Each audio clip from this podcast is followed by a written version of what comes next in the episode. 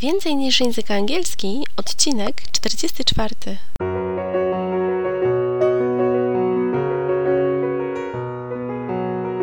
Witaj, nazywam się Ewa Osterek i jestem trenerem języka angielskiego. Sprawiam, że język angielski to przyjemność. Słuchasz podcastu Więcej niż język angielski, który został stworzony dla kobiet takich jak ty, które chcą odkryć i pogłębić w sobie pasję do języka angielskiego. Dzisiaj, w ten piękny dzień, zajmiemy się tematami, które są bardzo takie niesamowite. Będziemy rozmawiać o tym, dlaczego nie warto tłumaczyć pewnych rzeczy bezpośrednio z języka polskiego na angielski i odwrotnie. Opowiem dzisiaj o kilkunastu frazach, które używamy w języku polskim. Jeżeli chciałoby się przetłumaczyć dosłownie na język angielski, to wyglądałoby i brzmiałyby one zupełnie inaczej. I opowiem Ci także o tym, jaka jest poprawna forma w języku angielskim. Zacznijmy od tego, czemu w ogóle takie tłumaczenia. No i czemu czasem wyglądają rzeczy pewnie śmiesznie. Być może spotkałaś się z różnymi tłumaczeniami filmów, które w oryginale brzmią inaczej niż ich polski odpowiednik. Myślę, że to też jest e, ciekawy motyw na kolejny odcinek podcastu, ale zasada jest podobna. Osoby, które tłumaczyły te pewne frazy bezpośrednio, były przekonane, że tak przecież jest. I dlatego można powiedzieć dziękować komuś z góry. To nie thank you in advance, tylko dosłownie dziękować, thank komuś, czyli z natury you, skąd? From the mountain. I wychodzi nam dziękować z góry, dosłownie, ale wyobraź sobie to, co by było zupełnie coś śmiesznego.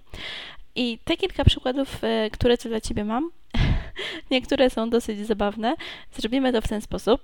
Proponuję Ci taką grę. Proponuję Ci taką grę. Przeczytam te frazy, które mam dla Ciebie przygotowane, zrobię chwilę przerwy i będziesz mogła pomyśleć, czy znasz angielski odpowiednik. A jeżeli chcesz się pobawić, to możesz pomyśleć, jakby to można było przetłumaczyć dosłownie i zobaczymy, jak Ci się to wszystko uda. Mam nadzieję, że to będzie też taki element grywalizacji. Zaczynając od pierwszego, zwierzę Ci się.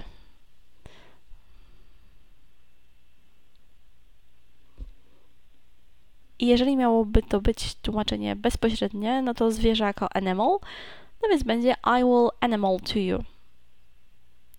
Podczas tego, gdy w języku angielskim mamy to confide in someone. I tak to powinno brzmieć. Następny przykład. Coś jest nie tak. Można to powiedzieć na kilka sposobów. Można powiedzieć, że something is wrong, something's not right. A takie bezpośrednie tłumaczenie oczywiście byłoby something is no yes. Nawet teraz o tym myślę, to jest to dla mnie dosyć takie zabawne. Chociaż oczywiście też pamiętam, jak popełniałam różne błędy językowe.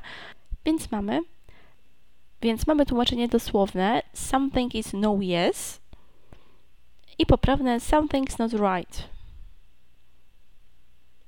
Kolejny przykład. Pierwsze koty za płoty.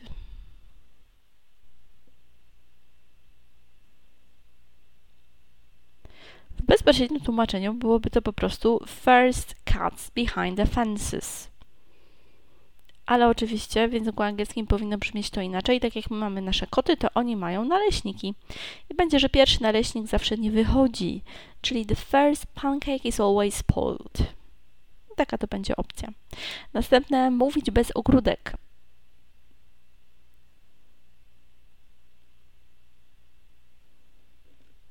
Nieprawdziwym tłumaczeniu byłoby to talk without a little garden.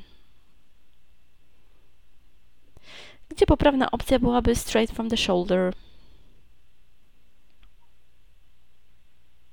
Teraz tak przypomniało mi się, że na studiach jeszcze miałam e, na jednym z przedmiotów, które było związane z pisaniem w języku angielskim, e, taki, takie wyrażenie, że coś było z pierwszej ręki.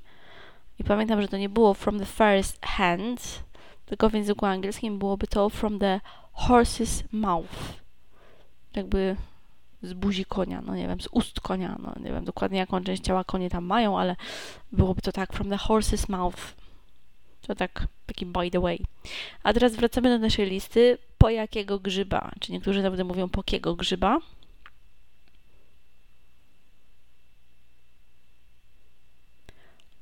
Niepoprawna opcja byłaby for what mushroom? Na angielska często w takich filmach, wykrzyknieniach Why on earth? i może być na przykład Are you doing this? albo coś dalej. Kolejny. Nie łudź się, że coś się na przykład wydarzy.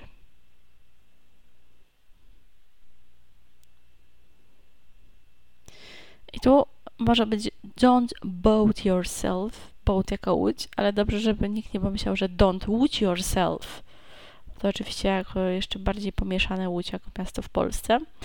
Po angielsku byłoby be living in a dream world. To jakby coś nas, coś w stylu, no chyba jakoś śnisz. Teraz będzie coś, co wiele lat temu pamiętam, że było bardzo popularne i wielu ludzi nawet mówiło tak specjalnie, że to jest jakoś niepoprawnie. Wtedy chyba, kiedy taka mieszanka polskiego z angielskim zaczynała się tak mieszać i było dużo takich informacji w sieci na ten temat. I jest to hasło nie rób wiochy.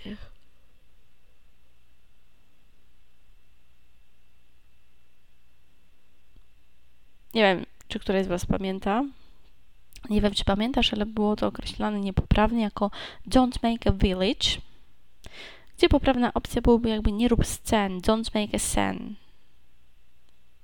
Don't make a scene. Kolejny przykład, pokój z tobą. W niepoprawnej opcji room with you i w poprawnej peace be with you albo jeszcze w skrócie peace with you. Też może tak być. Dalej mamy nie czuję nóg. No i oczywiście jakbyś powiedziała I don't feel my legs, to by mogło oznaczać coś jest nie tak z twoimi nogami, ale w wyrażeniu takim idiomatycznym bardziej chodzi o to to be dead on one's feet. Następnie mamy takie wyrażenie dania z kurcząt. No nie wiem, co to może być, no ale coś, co jest związane z jakimś kurczakiem, może jakiś pasztet, może coś i byłoby Denmark from chicken zamiast poultry. Kolejne dosyć takie ciekawe. Jedzie mi tu czołg. I w bezpośrednim tłumaczeniu byłoby Do I have a tank riding here? Ale oczywiście w wersji poprawnej powinno być Are you pulling my leg?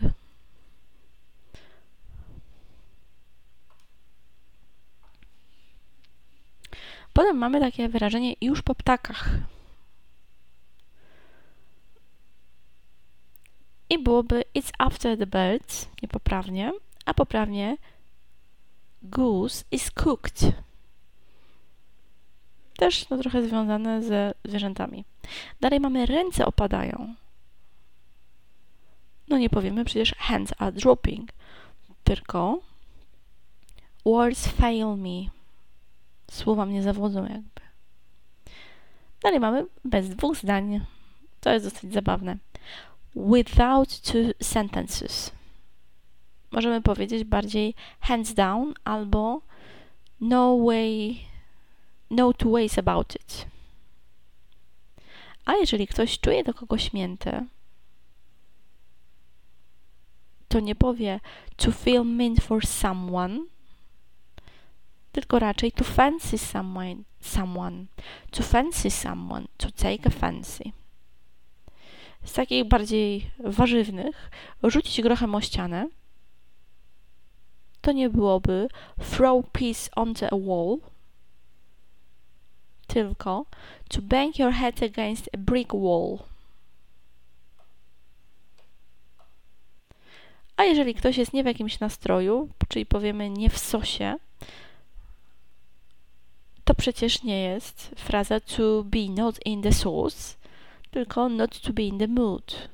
Not in the mood. A jeżeli ktoś koło kogoś skacze i chodzi na rzęsach, to przecież nie powiemy to walks on one's eyelashes, tylko raczej running on fumes. I ostatnie dwa. Bądź mądry, pisz wiersze.